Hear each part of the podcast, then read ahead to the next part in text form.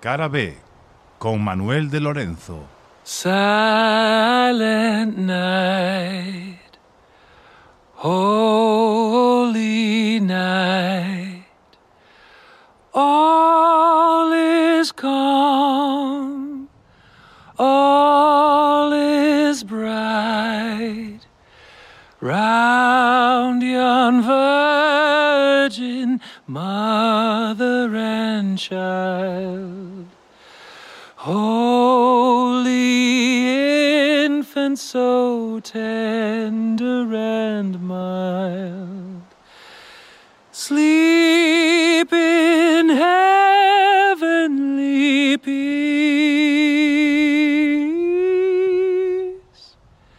Sleep in heavenly peace. Silent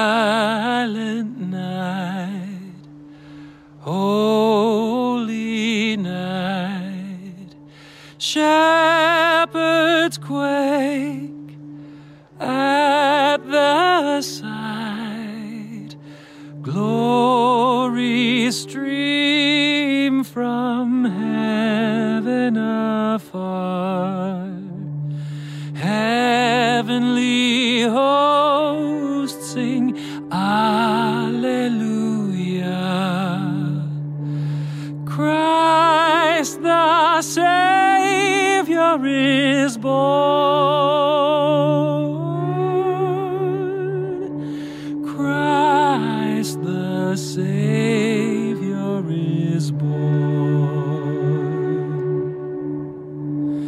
side.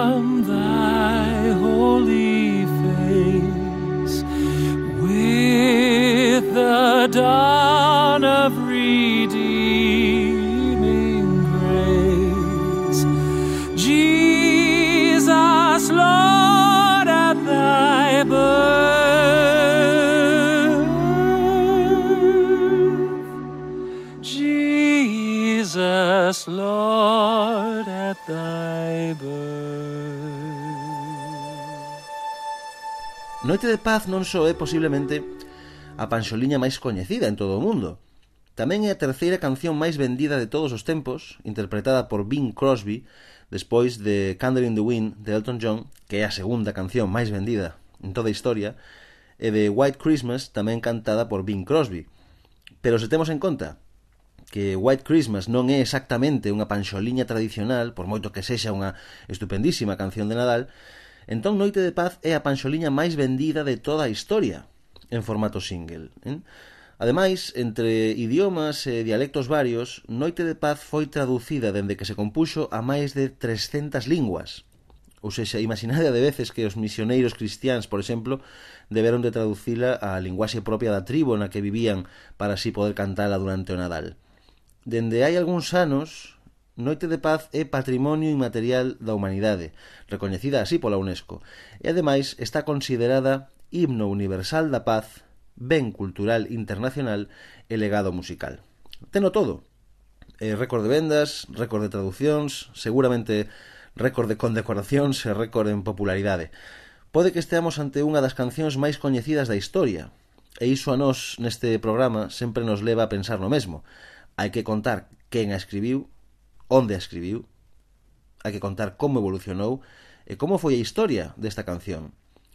Noite de paz por todo isto, ben se merecía que contásemos a súa curiosa historia que inclúe, ademais, o xeito en que esta panxoliña protagonizou unha conmovedora tregua no Nadal de 1914, sendo cantada por ambos bandos durante o alto o fogo espontáneo e non oficial que houbo nese mes de decembro en plena Guerra Mundial.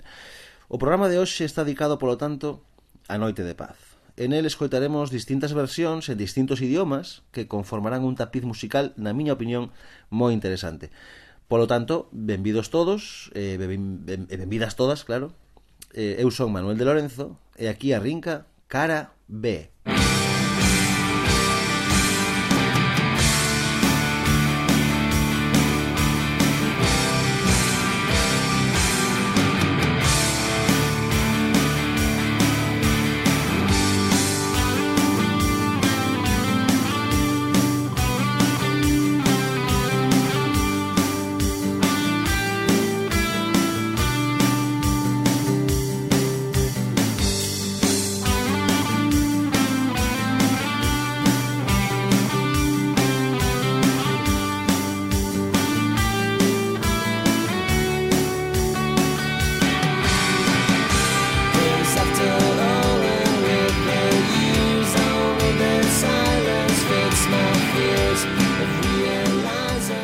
Ben, xa temos o que, que é a paxoliña Noite de Paz. Así que imos continuar profundando no quen, no cando, no onde e no como.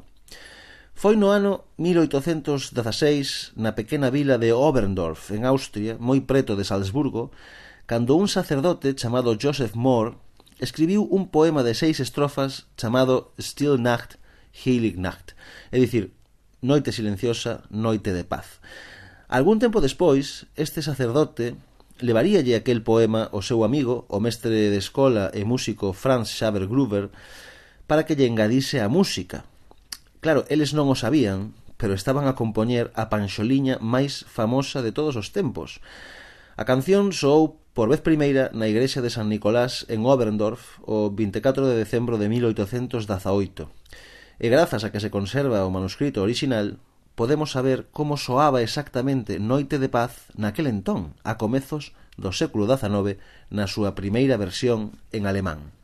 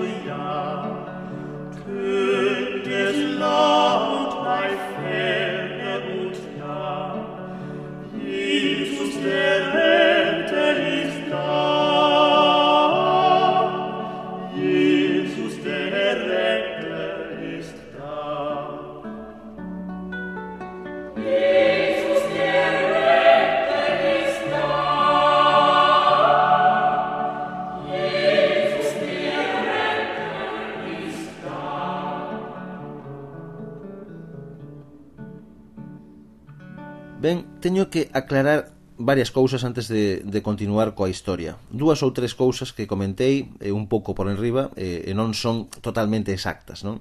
Tratábase da introducción. A primeira cousa é que dixen que o poema de, de Joseph Moore chamábase Still Nacht, Heilig Nacht, ou seja, Noite de Silencio, Noite de Paz, pero isto non é exactamente así. Ese foi o nome que se lle puxo a Panxoliña cando Franz Xaver Gruber lle engadiu a música e a melodía. Cando somente era un poema, dous anos antes, en 1816, escrito por Joseph Moore, o título real era O ano sen verán. O ano sen verán. E ademais o texto era máis longo, xa que tiña seis estrofas en lugar das tres que adoitamos cantar hoxe en día.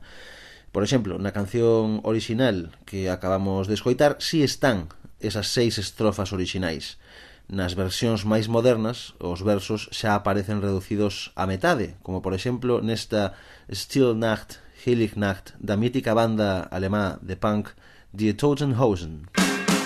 Still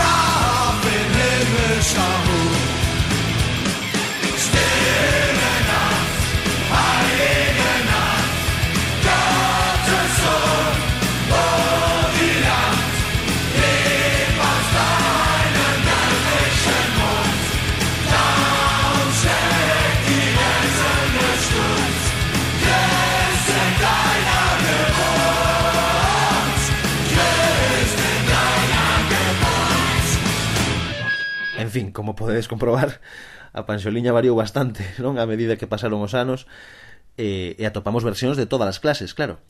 Tanto variou que, como vos estaba a comentar, ao principio non se chamaba Noite de Paz, sen máis, nin sequera Noite de Silencio, Noite de Paz, que sería a traducción literal do alemán. Chamábase O Ano sen Verán. E isto é debido a que naquel tempo É certo que se deu un terrible frío moi anómalo que durou moitos meses e que destruiu moitísimas colleitas, propagando ademais a fame e a enfermidade. Os científicos atribúen aquel extraño frío do ano 1816 a unha moi rara caída da actividade solar sumada ao escurecemento do ceo por millóns e millóns de toneladas de pó, de cinzas e de dióxido de xofre que foron lanzadas á atmosfera en distintas erupcións volcánicas de, de gran potencia que tiveron lugar no ano 1815, ou seja, o ano anterior, en Indonesia. E isto foi o que provocou aquel frío, aquel ano sen verán, non? que fixo do centro de Europa un lugar aínda máis inhabitable, xa que a zona xa estaba sumida nunha terrible crise debido aos desastres sociais, os desastres económicos e os desastres políticos que deixaran as guerras napoleónicas que remataran precisamente nese ano 1815. De aí que o sacerdote Joseph Moore eh, rodeado de dor e de fame e de pánico, sentise a necesidade de cantarlle o silencio, de cantarlle a paz e a esperanza que é realmente o que inspira esta canción, non? E para que o comprobedes vos mesmos, escoitamos, imos escoitar unha versión feita por, por Goiza na nosa lingua, que é moi sinxela de entender. Música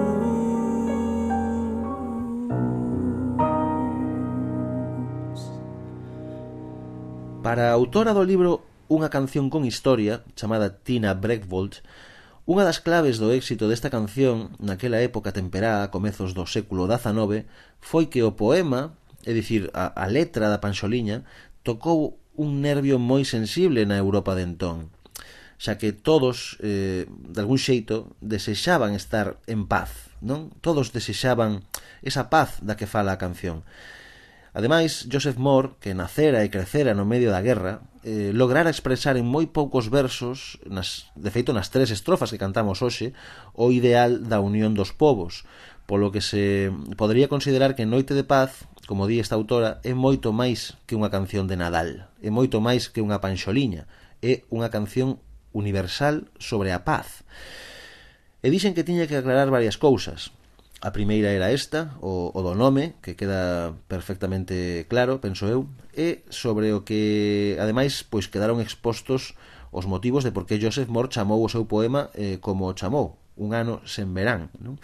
Pero eh, despois foi eh, este Joseph Moore foi onde un amigo músico para que lle engadise música, non? Como antes como antes expliquei. E por que se musicalizou esta canción cunha sinxela guitarra, tal e como escoitastes na versión orixinal que soou hai un anaco? Non vos chama a atención? Eh, imos escoitar, se vos parece, outra versión distinta de Noite de Paz, que non é soamente unha guitarra e unha voz, e conto vos isto. Que vos parece se escoitamos esta curiosa versión de Manolo Escobar? Para que deu, para que deu esta panxoliña, eh? mi madriña. Se yo contan hai dous séculos, aquel cura austríaco.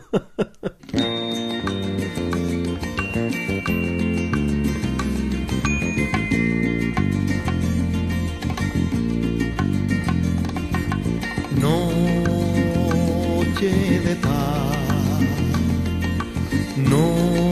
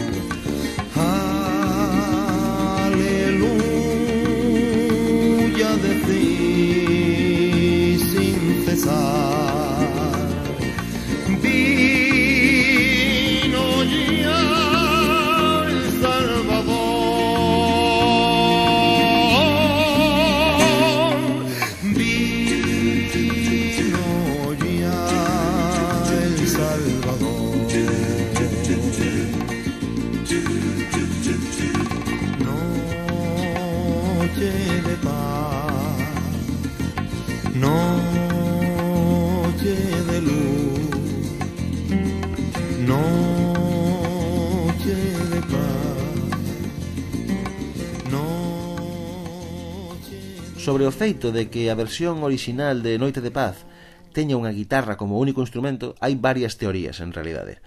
Eh, a mesma sociedade Noite de Paz, que, que existe, existe esta sociedade, eh, di que son moitas as historias románticas e as lendas sobre a composición da panxoliña. Unha das teorías máis aceptada é a de que Joseph Moore quería ter unha panxoliña escrita para a guitarra para así poder cantala el acompañado dese único instrumento na súa parroquia. Ben, isto pode ser isto hoxe, hoxe en día, de feito, pode parecer moi habitual, pero é verdade que a comezos do século XIX se cadra non era tanto, non?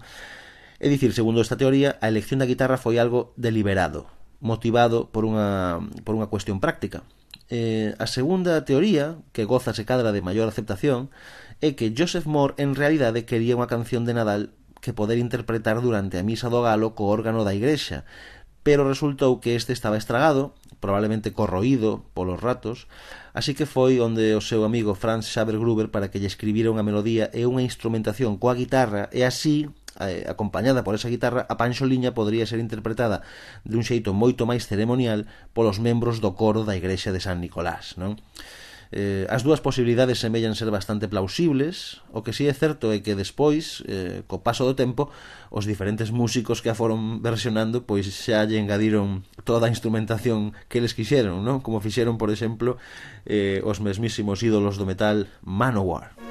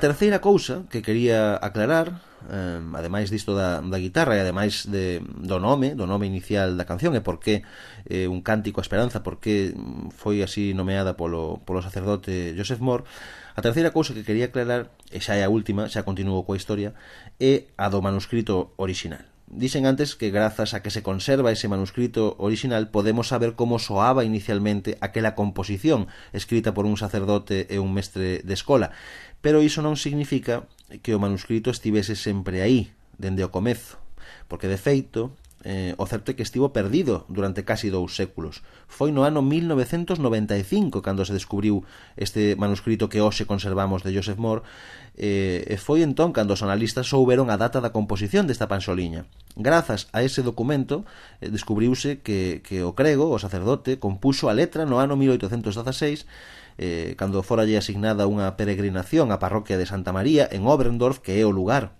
eh, onde escribiu o poema, e tamén, grazas a ese manuscrito, sabemos que o compositor da música e da melodía foi o seu amigo Franz Xaver Gruber e que o ano no que a compuxo foi exactamente 1818.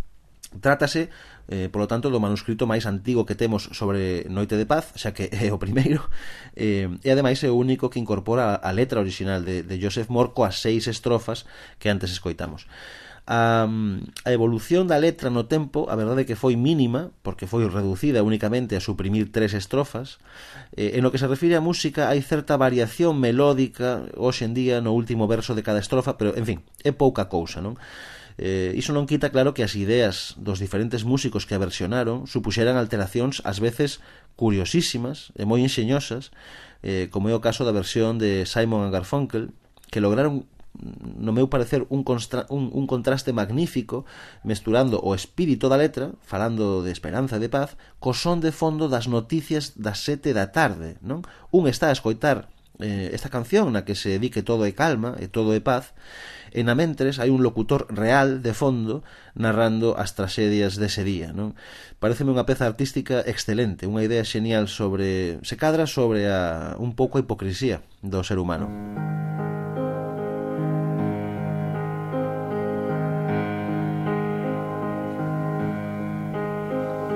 So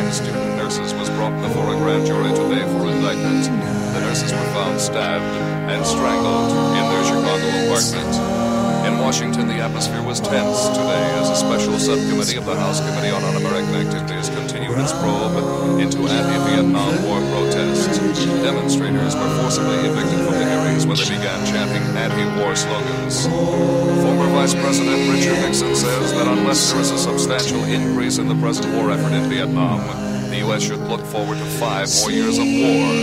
In a speech before the Convention of the Veterans of Foreign Wars in New York, Nixon also said opposition to the war in this country is the greatest single weapon working against the U.S. That's the 7 o'clock edition of the news. Good night.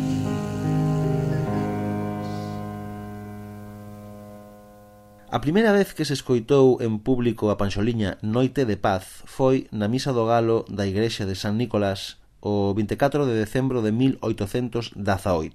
Interpretárona os dous autores, os propios Joseph Moore e Franz Xaver Gruber. Seguramente eles non eran conscientes de que aquela melodía e aqueles versos chegarían a ser coñecidos a nivel mundial pouco tempo despois e repetidos millóns de veces ao ano en todos os países e traducidos a máis de 300 linguas e versionados de tantos xeitos eh, distintos. Vou vos contar agora que pasou, cal foi o detonante da expansión daquela canción, por que chegou a tantos sitios, pero primeiro imaginade a cara de Joseph Moore e de Franz Xaver Gruber se chegan a escoitar en 1818 versións como esta. Xa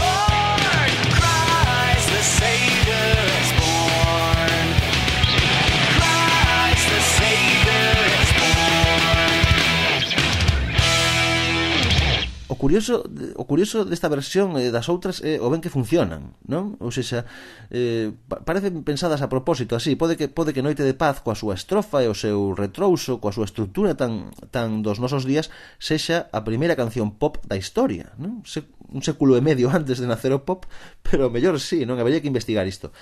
Ben, e como saiu a canción daquela pequena vila de Oberndorf? Como chegou ata o resto do mundo? Pois parece que foi grazas ás familias tirolesas de vendedores ambulantes que integraron a Panxoliña no seu repertorio de cancións eh, debido ao moito que lle gustaba a xente en Oberndorf, non? Entón, eles colleron, eh, levaron esa canción con eles, aprendérona e levárona con eles eh, e tocaban e cantaban xunto con esas outras cancións coas que amenizaban a tarde e atraían compradores nas diferentes feiras e mercados que visitaban, non? Entón a xente, claro, escoitaba a canción, gustáballe e pouco a pouco ia estendéndose por todas partes debido eh, ao sinxela que é a letra en realidade, o fácil que é lembrala e tamén o doado que é interpretar a melodía de Noite de Paz mesmo sen instrumentos de acompañamento, non? pero o boom, digamos, o gran boom produciuse eh, uns anos despois, concretamente no ano 1833, cando un organista da localidade austríaca de Fugen, eh, de nome Maurak, interpretou en Leipzig a canción xunto a outros músicos, entre outras cancións, entre outras melodías tirolesas, non? E claro, foi un éxito. Unha vez a canción pasou a ser tan coñecida en Leipzig, xa estendeuse eh, a súa fama por toda Alemanha e de aí o resto do mundo. Non, non tardou en chegar a París, a Londres, a San Petersburgo, e de súpeto esta letra e as notas estaban impresas en cancioneiros populares de todas partes e os misioneiros cristiáns, como vos contaba antes, levaron a, a todos os continentes, non? a todas as xunglas, imaginadevos, a todas as montañas, a todas as illas. Mesmo chegou a Xamaica, de donde é precisamente o autor desta outra versión que imos escoitar agora. Ele o coñecido Shaggy, en este caso, no caso desta versión, eh, está acompañado por Sting. It's a beautiful day And it's a happy holiday Rocky Jamaican way Silent night, oh.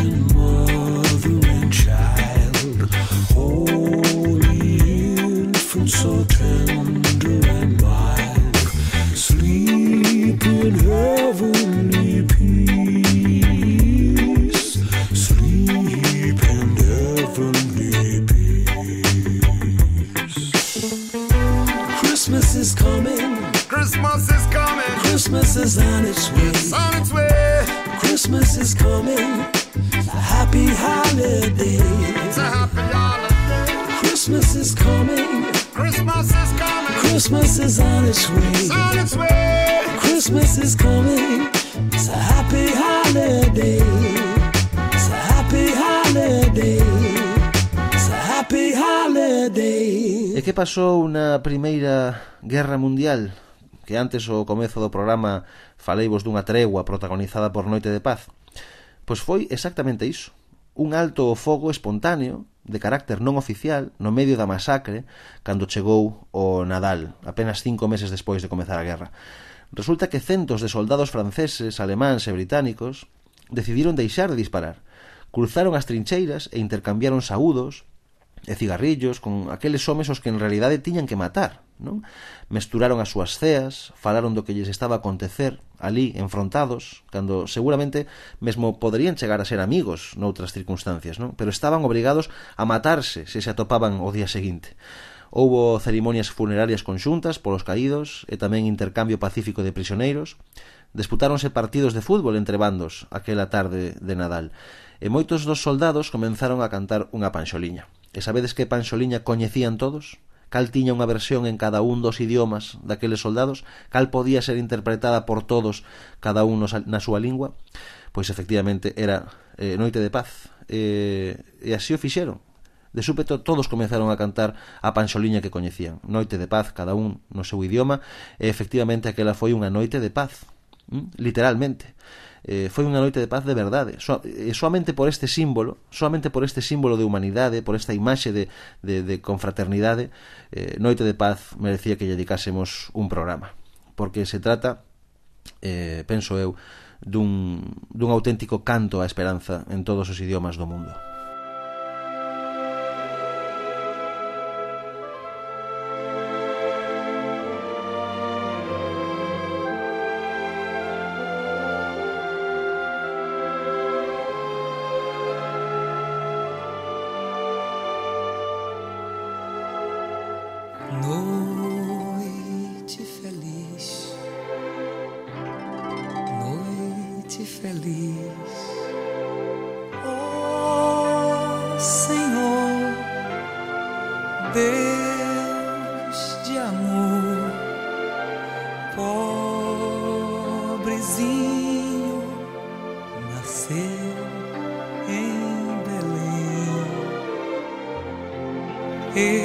na lá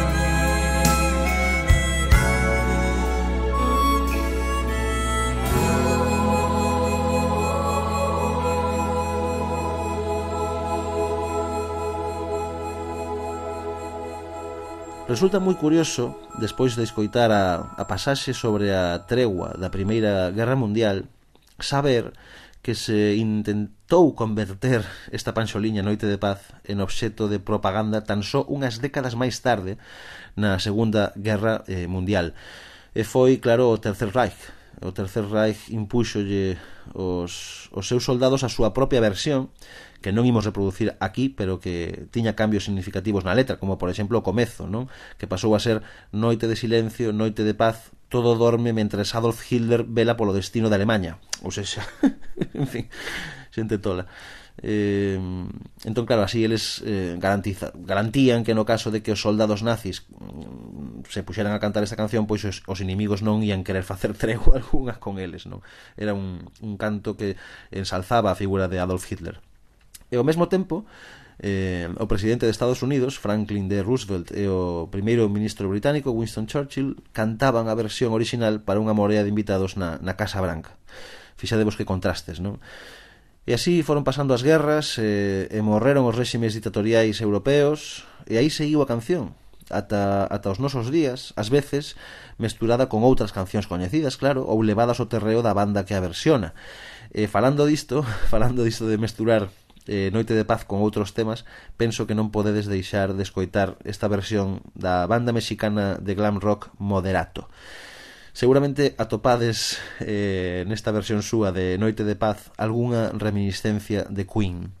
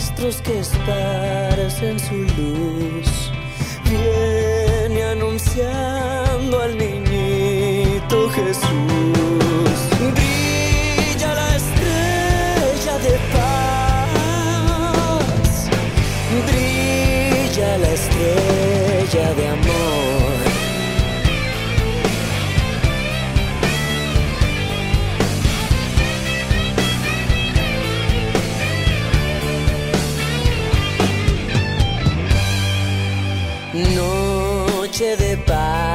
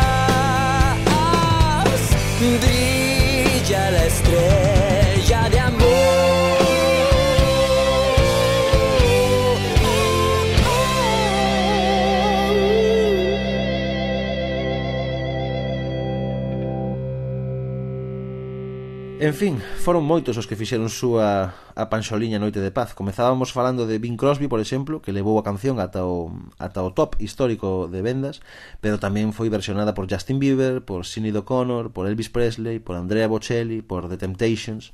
Non sei, non nos daría tempo a escoitar todas, claro, aínda que aínda que penso que coas que soaron hoxe xa vos facedes unha idea eh, dos moitos tipos de Noite de Paz que hai nas, nas discografías de tantos e tantos cantantes, non? Así que o que imos facer é pechar o programa de hoxe coa, coa miña versión favorita, se me permitides. Eh, foi, como sempre, moi agradable poder contarvos esta historia tan interesante sobre Noite de Paz. Outro deses relatos pouco coñecidos que, que adoitamos rescatar neste espazo, non? Un deses relatos que pertencen á parte de atrás da historia da música, como, como sempre decimos, o lado menos visible, a cara B dos feitos que dan forma ás lendas musicais. Agardo que o desfrutase des tanto como a nós e que regresedes connosco a vindeira semana, e, como a sempre, esperamos por todos vós aquí, na nosa e polo tanto na vosa cara B. Agora deixo vos coa miña versión favorita de Noite de Paz, a versión do inigualable, do xenial, do inspirador Johnny Cash. Coidadevos moito.